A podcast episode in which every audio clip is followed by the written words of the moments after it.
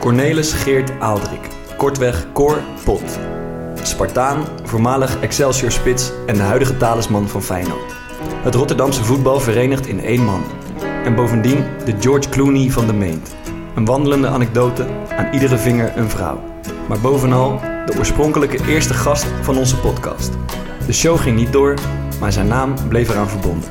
Dit is de Core Podcast, waar randzaken, bijzaken en een beetje voetbal dwars door elkaar heen lopen. En Core Pot eigenlijk geen enkele rol speelt. Het is een show van Thomas Verhaar, Maarten de Fokkert en Bart Vries. Ja mannen, we zijn eh, los.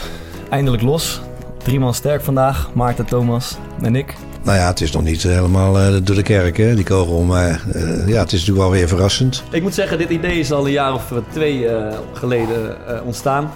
Om eens even een beetje te lullen met een microfoon erbij. Ja, je zou ook eens kunnen denken aan inventiviteit. Ja, maar ja, ik denk dat wij dat ook niet, niet met je eens zijn. Ga dan eerst maar eens gewoon proberen te voetballen en je kwaliteit te laten zien. Ja.